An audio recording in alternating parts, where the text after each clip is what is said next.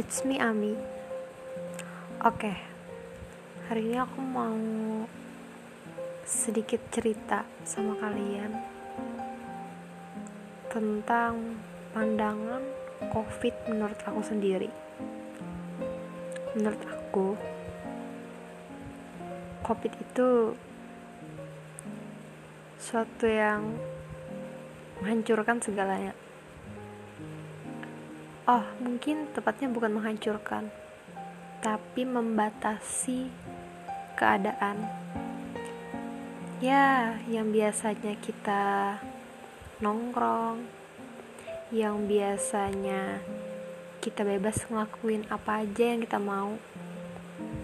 Tapi saat ini kita malah